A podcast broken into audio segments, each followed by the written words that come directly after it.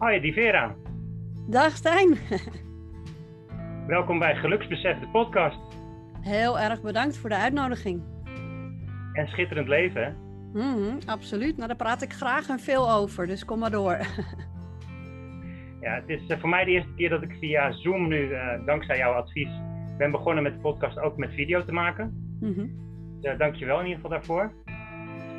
En in Geluksbesef praat ik altijd met mensen over wat geluk voor jou is.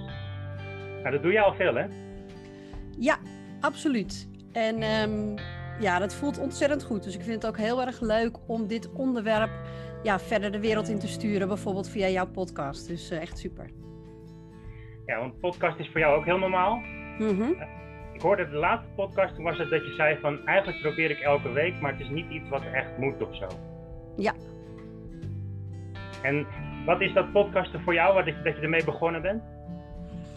Um, ja, het is um, uh, zo'n fijne extra manier om de dingen waar ik graag over praat en de inspiratie die ik graag bied, om een andere manier weer de wereld in te brengen. Um, ik hou zelf erg van podcasts luisteren. Dus toen dacht ik van ja, waarom zou ik dat zelf ook niet doen? En ik vond het achteraf nog wel makkelijker uh, gestart uh, dan ik had gedacht. Kijk, de enige uitdaging is, is dat je. Ik vind het zelf ook leuk van de mensen die ik tof vind dat je regelmatig nieuwe content hebt. Dus als je eenmaal weet hoe het werkt, ja, dan is de bedoeling wel dat je uh, ja, podcast gaat maken. Maar um, ja, ik vind het een hele leuke toevoeging op al het werk wat ik nu al doe om mensen bewust te maken van de keuze die ze hebben om te kiezen voor geluk. Ja, want jij bent bezig met mensen helpen om hun schitterende leven te kunnen laten leven. Ja, absoluut. Hoe ik het zelf graag zeg is, ik, ik daag mensen uit om te kiezen voor geluk. Um, en als je dat doet, dat voor geluk kiezen. Um, en soms is dat nog een brug te ver. Dus dan zeg ik, nou kies dan in ieder geval voor een beter leven. Dan, dan ben je al bezig met schitterend leven. Ja, want denk je dat er een formule is voor geluk? Um, nee, ik denk niet dat er één vaste formule is. Ik denk dat er wel één um, ding is wat iedereen gemeen heeft die een bepaalde gelukservaring uh, uh, heeft. En die ook weet hoe die dat voor zichzelf opnieuw kan oproepen. En dat is hoe je het went of keert, dat geluk wel een keuze is. Maar waar je dan voor kiest. Persoonlijk? Wat zeg je? Jou persoonlijk, was dat op een moment dat je beseft van dit is nu een keuze? Uh, ja, um, het heeft wel even geduurd voordat ik me besefte dat ik die keuze met opzet kon maken. um, dat, um, ik, ik, vind het wel een van de mooiste geschenken die ik heb uh, mogen ontvangen. Het besef dat het dus een keuze is. Um, en de eerste, keer, eerste paar keer dat ik me dat echt besefte, vond ik dat nog wel moeilijk ook. Want op het moment dat ik me dus realiseerde, oké, geluk is een keuze. En ik realiseerde het met, en ik, en ik wist het echt. Toen ben ik gaan terugkijken op mijn leven en toen dacht ik, jeetje Mina, die Vera, wat had je op zoveel verschillende momenten mogelijk andere keuzes kunnen maken die wel meer geluk hadden kunnen brengen. Maar goed, hè? Acht, uh, het terugkijken heeft niet zo heel veel zin. als je het gebruikt om jezelf op de kop te geven, terugkijken heeft wel weer zin om te kijken van hé, hey, um, hoe zou ik in situaties die vergelijkbaar zijn toen nu een andere keuze maken bijvoorbeeld. Ja, ik heb hier zo'n slogan opgeschreven. In de vorige podcast zei ik het ook. Um, hoe verdrietig kan je zijn als je geen geluk kent? En hoe gelukkig kan je zijn als je geen verdriet kent? Mm, mooi. Heb je veel verdriet gekend? Ja. Ja. Merk je ook dat het moment dat je dan verdriet tegenkomt in je leven, dat je daarna het geluk ook meer gaat voelen opeens? Nou, vroeger niet. Want vroeger vond ik het gewoon alleen maar zwaar en moeilijk en, en vervelend. Um, het is pas, het hoort er allemaal bij, hè? Dat als je, zodra je gaat realiseren dat je kunt kiezen voor geluk, ga je dus ook de schoonheid van het verdriet inzien. Maar zolang je dat niet ziet, doet dat alleen maar zeer. Dus um, een van de uh, grootste verdrietige dingen in mijn leven is dat mijn, uh, mijn moeder is overleden toen ik vrij jong was. Ja. Ik was vier. En uh, die gebeurtenis heeft, heeft ja, desastreuze gevolgen gehad voor onze hele familie. En ik heb heel lang, hè, als, als, als uh, klein meisje, als opgroeiend kind, ja, wat kon ik doen? Ik kon alleen maar een soort van meebewegen met de stroom die ons had opgetild en meegesleurd. Um, en daaruit uh, had ik een soort van conclusie getrokken van nou, het leven is dus heel, heel zwaar en heel verdrietig. En um, je mag ook eigenlijk niet genieten, want er is zoiets vreselijks gebeurd. Ja, ik snap dat je op het moment dat je veel moeilijke dingen meemaakt, dat het genieten zelf ook even moeilijk wordt. Um, wanneer besefte je dat je weer geluk voelde? Wanneer was het moment dat je eigenlijk je eerste geluksmomentje had misschien? Nou, ik denk dat ik wel heel veel geluksmomenten heb, wel heb ervaren. Uh, ook toen ik heel jong was. Um, maar voor mij is het grootste verschil gekomen dat ik, dat ik bewust voor geluk ging kiezen. Kijk, eerder, moet ik heel eerlijk zeggen, Stijn, zijn de keuzes die ik heb gemaakt in mijn leven, was het als eerste kiezen voor beter vanuit noodzaak. Want als ik door zou gaan op de manier zoals het ging, was dat, dat kon gewoon niet voor mij. Later ging ik um, kiezen voor beter vanuit een soort van hoop. Ik hoop dat het anders kan. Hè? Ja. En nu ik heb mogen leren dat geluk een keuze is, kies ik voor geluk vanuit een weten. Dat is gewoon wat je kunt doen. Ja, punt. Ik hoop dat het een beetje duidelijk is, maar dat is de manier waarop ik het ervaar. In mijn podcast zeg ik altijd leuk dat je luistert en uh, dit is geluksbesef. We praten nu met Divera en op dit moment praten we over wat geluksmomentjes zijn in je leven. Vind je het zelf ook leuk? Kom dan een keertje of uh, stuur dan een berichtje natuurlijk en dan kun je ook een keertje in een interview komen. En jij doet ook veel interviews natuurlijk met mensen. Je spreekt ook heel veel mensen, hè? Ja, nou het is grappig. Ik spreek inderdaad veel mensen, maar ik doe niet zoveel interviews. Toevallig de komende tijd word ik veel geïnterviewd en dat vind ik heel tof. Um, maar zelf interviews doen, dat, dat doe ik eigenlijk nog niet zoveel. Ik begin ook altijd de vraag met wat voor gezin kom je uit? Je hebt al van je moeder verteld dat ze vrij vroeg overleed. Ja. Um, ja, dus je bedoelt gewoon de samenstelling? Ja. Ja, nou, um, um, mijn vader en moeder uh, uh, hadden een relatie en daar, daar was ik uitgeboren, maar mijn moeder had al twee kinderen. Dus ik heb nog een halfbroer en een halfzus. En uh, later, toen mijn uh, moeder is uh, overleden, is mijn vader hertrouwd. En daar is nog een, een kind uit geboren en dat is mijn halfbroertje. Dus um, ja, de, de, de, de, de technische samenstelling is officieel ben ik enig kind. En niet officieel heb ik twee broers en een zus. Nou ja, je hebt dezelfde um, moeder, toch? Dus dezelfde moeder. Ja, en met één dezelfde vader. Ja, dus je bent niet enig kind, maar je moet het dan anders zien natuurlijk. Het is iets anders bloed, van de bloedlijn. Hmm. Um, hoe voelt dat als je, als je een half broertje of half zusje krijgt? Want ik heb zelf ook een half zusje hoor, maar ja, ik zie haar wel als mijn volledige zus eigenlijk. Ja, heb ik ook. Het zijn gewoon mijn broers en zussen. Ja. Ja. ja. En um, als je kijkt naar je jeugd, hè, was die toch wel ook wel vrolijk? Veel vrolijke momentjes? Um, nou ja, ik was wel een vrolijk kind. Dus um, ik heb zeker wel vrolijke momenten meegemaakt. Maar het grootste gedeelte van mijn leven was gewoon, uh, ja, verdriet was een standaard onderdeel daarvan. En wat waren die uh, dingen wat je het meest verdrietig maakte? Buiten het feit natuurlijk ook je moeder, die was je natuurlijk kwijt. Ja, nou wat mij het meest verdrietig maakte was het verdriet wat ik om me heen zag. Uh, mijn vader is eigenlijk het, over, het, het verliezen van uh, zijn vrouw nooit helemaal te boven gekomen. Ja. En hij is daardoor ook aan de alcohol, tenminste niet daardoor, maar hij was verslaafd aan de alcohol. Uh, ik zeg altijd, hij, is, hij leeft inmiddels ook niet meer. Hij is denk ik ge uiteindelijk gestorven van een gebroken hart. Maar goed, er zat van alles omheen.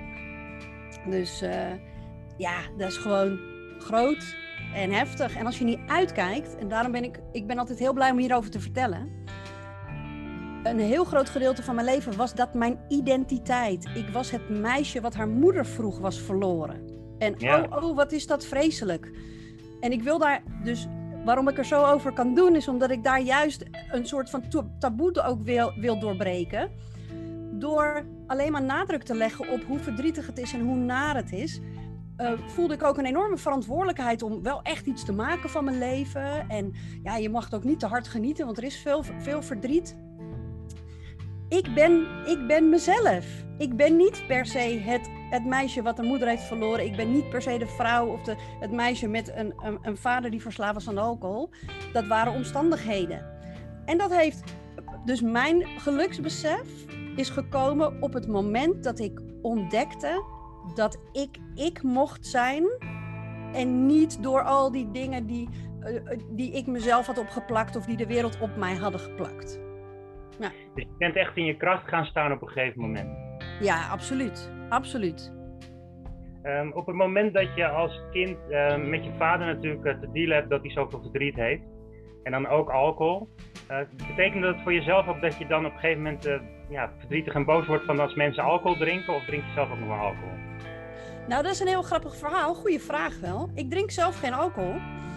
Maar dat heeft eigenlijk niets te maken met het verleden van mijn vader. Maar dat heeft ook een stuk te maken met uh, mogen ontdekken wie je bent. En, en hoe het leven klopt voor jou. Hè? Als puber ging ik gewoon mee met de stroom van je drinkt gewoon als je uitgaat. Hè? Ik bedoel, dat is toch een beetje een ding, hè? Van de verwachting Ja, precies.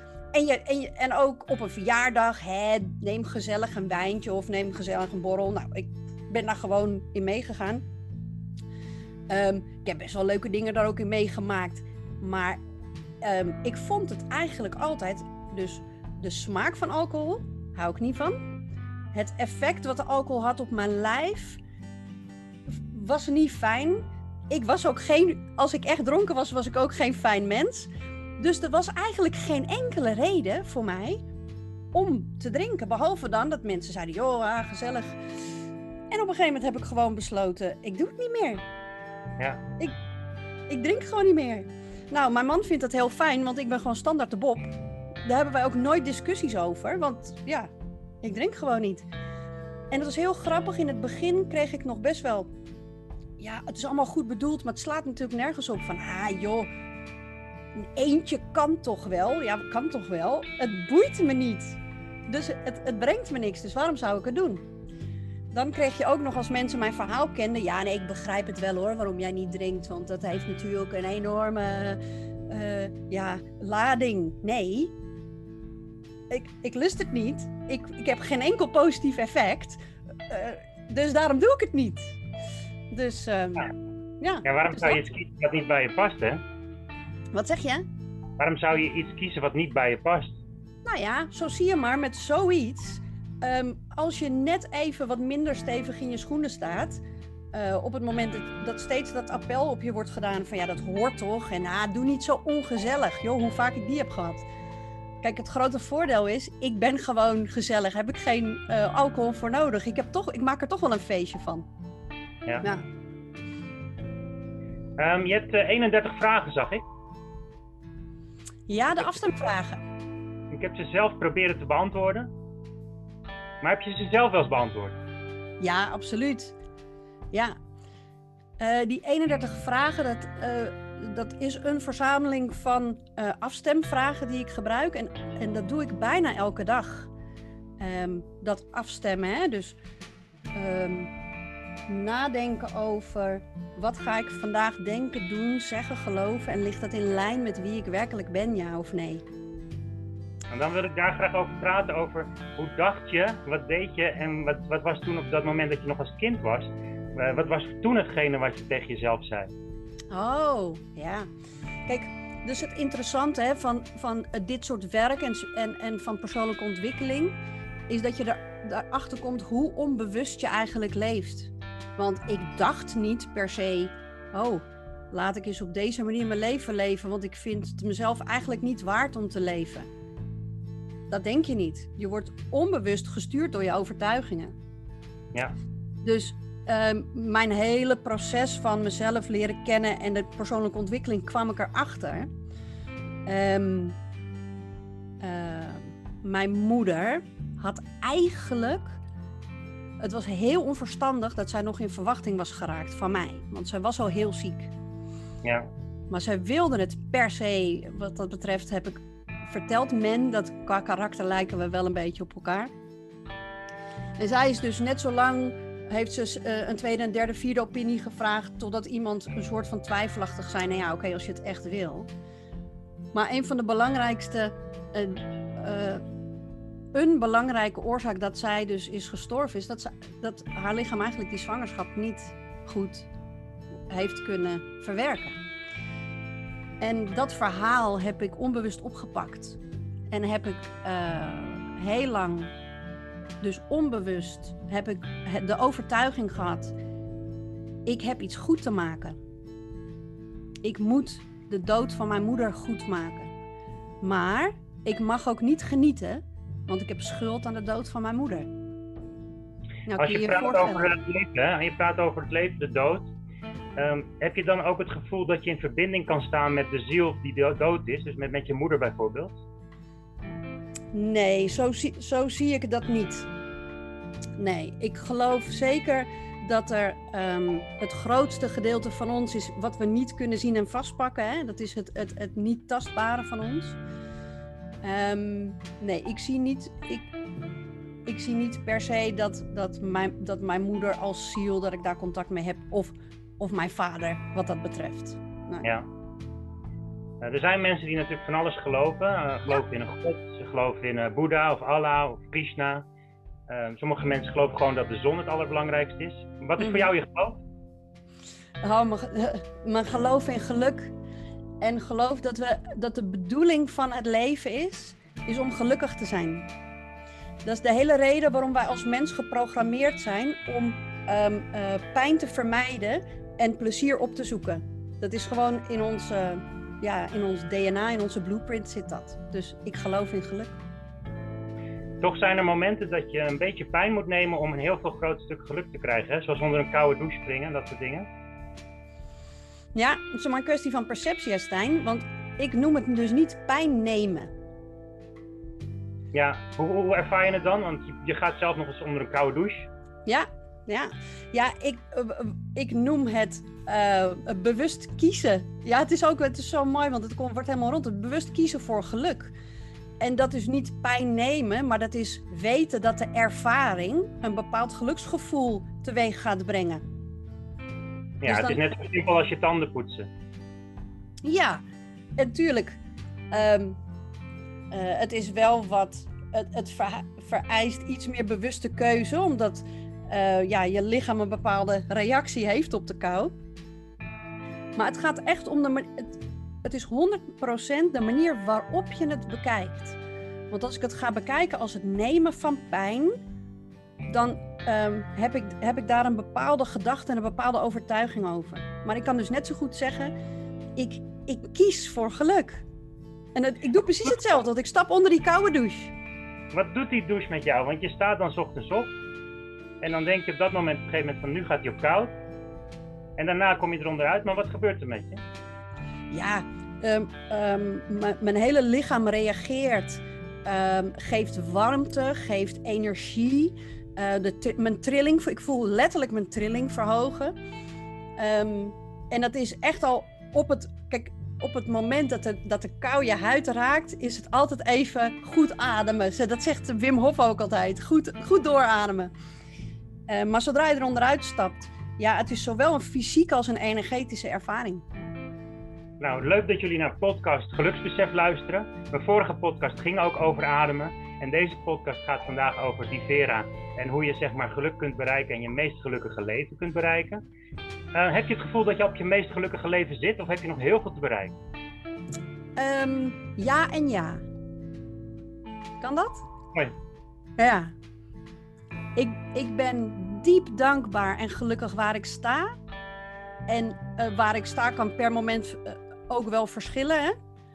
En ik kijk uit naar alles wat ik nog mag aantrekken en mag manifesteren in mijn leven. Ja, want is er voor jou een bucketlist of een, een, lijst die je sowieso maakt dat je zegt van dat ga ik volgende week doen en de komende jaar moet ik dit eigenlijk nog wel bereiken, want dat is gewoon iets wat gewoon, uh, dat kan ik en dat wil ik? Ja, er zijn zeker. Ik, ik hou ervan om stip op de horizon te zetten, want dat brengt me op een fijne manier in beweging. Pardon. Um, ja, het, het grappige is, we zitten natuurlijk nu midden in de coronatijd, hè Stijn? Goed, dus uh, de, de, de dingen die ik heel graag wilde, uh, dat is allemaal een beetje veranderd nu we in deze situa situatie zitten. Ik verlang nu erg weer naar het persoonlijke contact. Dus ik verlang erg weer naar. Ik ging altijd veel naar evenementen, veel mensen bij elkaar, veel mensen spreken. Ik, in, in, contact met mensen voel ik me echt als een vis in het water. Gelukkig hebben we de online mogelijkheden, wat heel veel kan oplossen. Maar toch um, ja, weer naar evenementen gaan. Um, en iets wat al heel lang op mijn lijstje staat, en daar was ik al online een beetje mee begonnen, dat, is, dat heet nu nog de Schitterend Leven Show. Dat gaat vast nog van naam veranderen. Maar ja, ik praat en ik vertel graag. En dat zou ik ook wel graag op, op een podium willen doen. Dus ja. Het gaat vast gebeuren, dat geloof ik wel, want uh, dat zit al in je. Um, dingetjes die om je heen zijn, zoals uh, je kinderen, je man. Zijn dat voor jou echt ook geluksmomenten? Ja, absoluut. Intens. Daar kan ik zo van genieten dat het pijn doet. Heb je een anekdote of iets, een verhaaltje? Ja, vast wel. Uh, afgelopen weekend hadden we natuurlijk voor het eerst in, wat was het, tien jaar een schaatsweekend hier in Nederland. Ja. En uh, ons huis, we hebben een, uh, een steiger aan een slootje. Dus hè, je kan twee dingen zeggen. Ik heb een steiger aan een slootje of ik woon aan het water. Maakt niet uit, allebei is hetzelfde. En die was dichtgevroren, dus we konden vanaf onze eigen steiger zo het ijs opstappen. En dan um, uh, is het voor mij de aanblik. Ik kwam, ik kwam aanschaatsen. De zon scheen. En mijn zoon was sneeuw aan het scheppen. Mijn man had voor ons en voor alle buren koffie gehaald en koek buiten neergezet. En hij zit met mijn dochter op schoot op de steiger. En iedereen is daar gewoon aan het genieten. Ja, dat is voor mij puur geluk. Ja, en het was ook nog mooi weer ook, hè? Oh, het was echt magisch. Ik heb geloof ik wel, wel 50 foto's van hetzelfde plaatje genomen. Alle verschillende kanten. Omdat het zo'n mooi beeld was. Ja, dat is echt. Fotograferen, is dat iets wat je ook heel erg leuk vindt om te doen? Nee, niet per se. Ik vind het leuk om dingen vast te leggen. Niet per se vanuit een fotografie-oogpunt, maar bijvoorbeeld ook, ik ben natuurlijk heel actief op social media. Dus ik vind het ook heel leuk om veel eigen foto's te delen uh, op Facebook of op Instagram. Ja, en dat actief op social media, hè? heb je het gevoel dat je nu succesvol bent zoals je het had verwacht? Of is het ver boven je uitgestegen? Um, het heeft allemaal onverwachte wendingen gehad. En ik voel me ontzettend gelukkig en fijn met hoe het nu gaat. Het, het, het, hoort een beetje bij de vraag die je stelde. Hè, ben je eh, tevreden waar je staat of heb je nog doelen? Ik vind het ontzettend tof hoe het gaat. En ik voel aan alles dat uh, hoe meer ik mezelf toestemming geef om helemaal mezelf te zijn. En als ik mezelf ben, ben ik groot en meeslepend en, en met veel energie en veel kracht en veel lol ook. Dan mag het nog veel groter worden. Dus, en ik vind het super gaaf en ik kijk uit naar alles wat het me nog kan gaan brengen. Ga ik toch die vraag stellen. Wanneer was dat in je leven dat je dan besefte dat je eigenlijk jezelf niet mocht zijn? Of dat je dat niet kon zijn, dat het je tegengehouden werd? Zijn dat een aantal momenten? Ja, het is niet één moment geweest, maar het zijn een aantal momenten geweest. En iedereen die dit misschien zal horen, zal het misschien wel herkennen. Dat zijn de momenten dat het echt serieus pijn doet. Ja. Um, ik ben in 2005, volgens mij, nee, nog eerder, 2002, 2003, ik weet niet eens meer precies, burn-out geweest. Dat was de eerste mokerslag dat ik te lang uh, deed zoals ik niet was. En um, een masker op had zoals ik me niet voelde. En, en wat zorgde er nou voor die burn-out, voor jouw gevoel? Wat was ja, de reden? Uh, heel, heel simpel. Ik vond dat ik het allemaal moest weten en kunnen en doen. En ik mocht niet om hulp vragen en ik mocht geen zwakte laten zien. Ja. Ja, dat is natuurlijk bullshit. Nu kan ik Eerst ben ik er heel boos en verdrietig om geweest en nu kan ik zo hard lachen om de onbenulligheid van zo'n gedachte. Hoe kan je nou verwachten dat je alles weet en als je het dan niet goed doet, jezelf op de kop geven? Dat is waanzin. Maar ja, Dat, ik, ik zat zo. Ik, weet je, het, de, wat er vroeger is gebeurd, ook met ons in de familie, het heeft me echt wel zodanig getraumatiseerd dat ik in een soort van rol ben geschoten die ik koste wat kost moest blijven spelen. En godzijdank hebben we dan een lichaam wat op een gegeven moment zegt, nou als je niet wil luisteren naar de subtiele signalen, dan doen we er maar een, een, een, een, een flinke tussen. Ja, die lichamelijke klachten komen dan, hè? momenten van eh, pijn of verdriet natuurlijk. Uh, ja, ja, en ook, uh, ik noem het wel echt, ik heb een zenuwinzinking gehad op kantoor. Nou, de mensen die daarbij waren, die vind ik nog steeds moeilijk om me dat te beseffen. Die, een aantal van hen ben ik ook nooit meer onder ogen geweest. De omstandigheden maakten dat gewoon zo. Maar ik ben echt, ik ben gewoon geflipt. Ik ben in een soort van, ja, een soort van uh, hysterische bui uh, beland op kantoor toen. En dat was het moment dat ik echt brak. Normaal vraag ik in de podcast altijd, waar zijn we nu? Waar ben je nu? Uh, wil je letterlijk of figuurlijk? Ja, waar ben je nu? Ja, ik sta op het hoogtepunt van mijn leven. Goed, mooi. Omschrijf dat is, dat hoogtepunt van je leven. Dat is volledig in afstemming zijn. Volledig omarmen waar je staat continu elke dag in elk moment de bewijzen zien dat je op jouw pad loopt. En, en genieten van alles wat er nog gaat komen. Ik denk dat dat het is. Ja, want wat voor signaal krijg je als je niet op je pad loopt? Is dat altijd fysiek? Um, ja, voor, dat kan voor iedereen verschillend zijn. Daarom uh, vind ik het ook een van mijn belangrijkste missies om iedereen het te laten ervaren. Dat je het kan leren voelen. Hè? Wanneer klopt iets voor jou en wanneer klopt het niet voor jou. En voor mij, wat ik, de, grofweg kun je zeggen, als je niet op jouw pad loopt, als je iets denkt, doet, zegt of gelooft wat niet in lijn is met wie jij werkelijk bent, dan voel je vernauwing. En dus de, met een grove hark gezegd, als je verruiming voelt, klopt het. Als je vernauwing voelt, moet je opletten en opnieuw kijken. Het voert een beetje ver om dat helemaal uit te leggen hier. Maar het geeft een, een, een hele mooie. Um, het is een soort alarmbelletje. Zodra je die vernauwing voelt. Sommige mensen voelen dat heel fysiek, sommigen voelen dat wat meer energetisch. Sommigen voelen dat omdat er bepaalde, uh, tussen aanhalingstekens, negatieve emoties opkomen.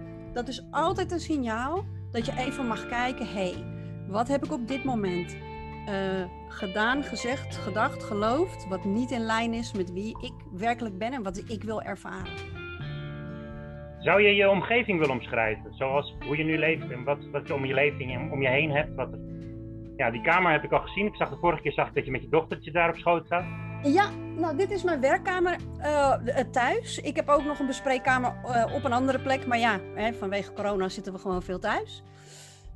Um, ik heb een heel fijn huis in Den Haag. Um, en daar wonen we dus met z'n vieren in één huis. Een hele fijne buurt. De school van mijn kinderen is heel dichtbij. Dat vind ik heel erg fijn. Um, we hebben fijn contact met de buren.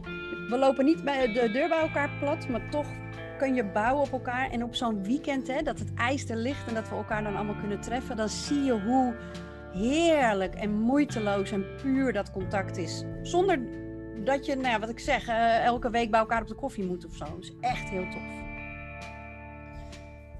Echt een omgeving waar je gelukkig voelt dus. Ja, absoluut. Mijn man wil nog wel eens zeggen dat hij wil verhuizen, want hij wil een grotere tuin. Weet niet waarom, want tuinieren hebben we allebei geen tijd voor. Maar ik zeg nou, ik, ik denk niet dat ik ooit nog hoef te verhuizen. Je krijgt een oké, okay, thank you for choosing Zoom. The meeting is no longer has a time limit. Oh, nou, mooi. Kunnen we dus nog even doorpraten. maar betekent dat die video niet verder wordt opgenomen? Nee hoor, als het goed is wel. Oké, nou dan uh, love it. Gift voor, ja. We gaan verder. Uh, je zegt net, je, je, man houdt wel van een tuin, maar niet van tuinieren. Ja, dat is een beetje dubbel. Nee, hij houdt wel van tuinieren, we hebben er geen tijd voor. Dat is een heel oh. belangrijk onderscheid. Ja. ja, want het is heel belangrijk natuurlijk dat je ergens tijd voor hebt. Hmm. Nou ja, tijd voor maakt natuurlijk, hè. Maak jij dingen altijd de tijd vrij of is dat soms ook gewoon niet te doen, denk je? Nou, dat is een van de dingen. Kijk, schitterend leven is allemaal wel mooi, maar het komt wel met een prijs. En dat is waakzaamheid. Want als je niet uitkijkt, dan gaan de dingen die het hardste roepen, pak je aandacht en je tijd. Hè? Dus ehm, het lukt mij niet, ook niet altijd, maar zoveel beter dan vroeger dat ik me heel bewust ben van wat vind ik belangrijk, waar ik, wil ik mijn tijd en mijn energie aan besteden en waar niet aan. Maar dan moet je opletten en dan moet je wakker blijven. Maar je hebt ook maar één dag op een dag. Ja, maar je hebt wel je hebt een hele dag om van allerlei dingen te ervaren. Het is maar hoe je het bekijkt. Ja, en je kunt altijd denken ook van, nou, ik kan het ook nog morgen doen. Ja, maar een van de belangrijkste dingen die ik heb geleerd is, um, we worden natuurlijk een beetje, er wordt vaak wel gezegd, hè, doe de dingen die je moet doen eerst, zodat je tijd hebt voor wat je wil doen. Hè. Eat the frog in the morning is geloof ik zo'n uitspraak. Maar als je niet uitkijkt, heb je al je moedjes gedaan en is er geen tijd meer voor wat je wil. Dus ik draai het om. Ik heb zelfs een, een letterlijke reminder voor mezelf. Soul work first. Dus ik doe eerst wat belangrijk is voor mij, voor mijn afstemming, voor de keuzes die ik wil maken. En dat dat dan betekent dat ik misschien tussen uh, half vijf en vijf, voordat ik de kinderen moet halen van de opvang, nog even snel mijn e-mail door moet harken. Dat neem ik dan op de koop toe. Ik vraag altijd vier vragen. Die heb ik ook in het 2000 uh, voor 2000 gesteld. Ja. Um, wat is je grootste wens? Zo gelukkig blijven. Ja, dus het geluk voortzetten zoals het is. 100 procent. Ja. En uh, wat is je grootste angst? Heb je nog een angst? Um, ja, dit, dit is een, een, heel actueel is. Maar mijn grootste angst is dat um, uh, de crisis nog veel erger gaat worden uh, waar wij nu in zitten. Met betrekking tot corona en het leed wat er wereldwijd geleden wordt. Um, maar ook daarin maak ik, um, ik weet dat mijn aandacht ergens aan geven is ook een keuze. Dus als je me het zo op de, op de vrouwen afvraagt, geef ik je dat als antwoord. En ik kies ervoor om me steeds weer te richten op en wat is er wel. Ja. En waar geniet je het meest van? Of waar kan je echt van genieten? Oeh, um, we hebben net een nieuwe auto gekocht. Heerlijk. Ja, een hele mooie, een mooie Porsche. En ik hou enorm van, uh, van mooie auto's. Ik ben dol op auto's. Ik, ik kan erg genieten van luxe. Uh, of het nou reizen is of, of, of spullen. Gewoon lekker plat materieel. Um, en ik kan ook heel uh, erg genieten van de intieme momenten die ik heb met mijn man. Van seksualiteit bijvoorbeeld. De vierde vraag, dat is de laatste vraag die ik ook aan 2000 mensen voor 2000 stelde, was wat vind je dat er fout gaat? En wat vind je eigenlijk wat wel beter kan? Dus, maar waar je misschien ook wel zelf van denkt, nou dat kan ik nog wel helpen veranderen. Wat vind ik dat er fout gaat? En wat vind ik dat er beter kan?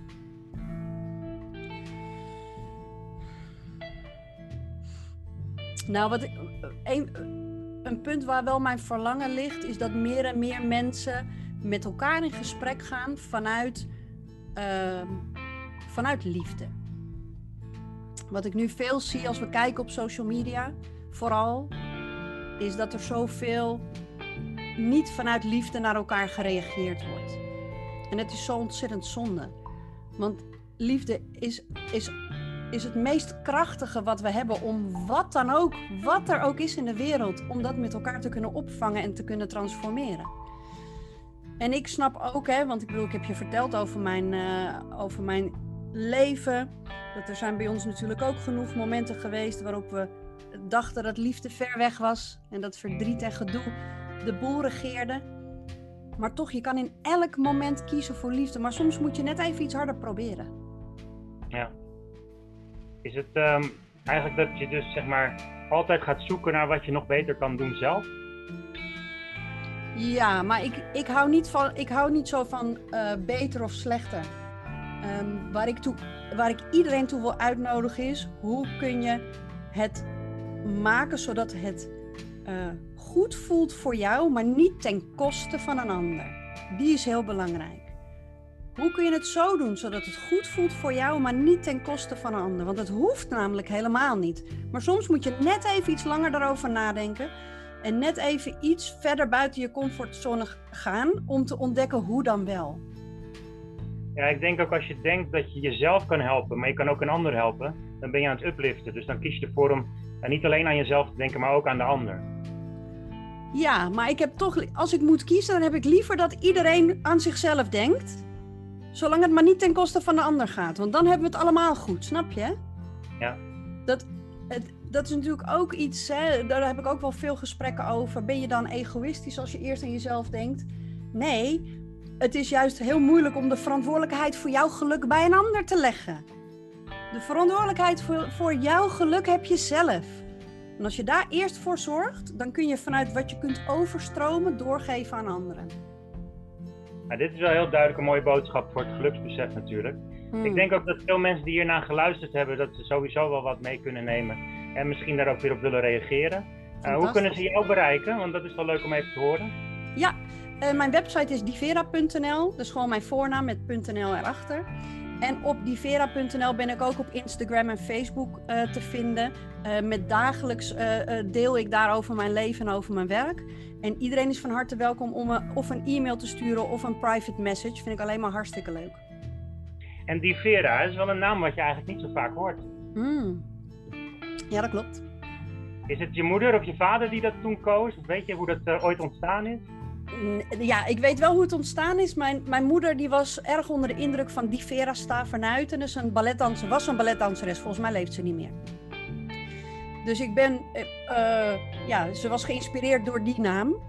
En het blijkt een hele of een gewone, het, blijft, het blijkt een hele Hollandse naam te zijn, een verbastering van Diewertje. Het komt uit West-Friesland, de omgeving van Horen en Enkhuizen. Ja, leuk. Nou, hartelijk bedankt voor uh, dit mooie gesprek. Ja, jij bedankt. De, de, opname ga ik zelf even stoppen. Goed. En dan wens ik iedereen heel veel geluk en succes.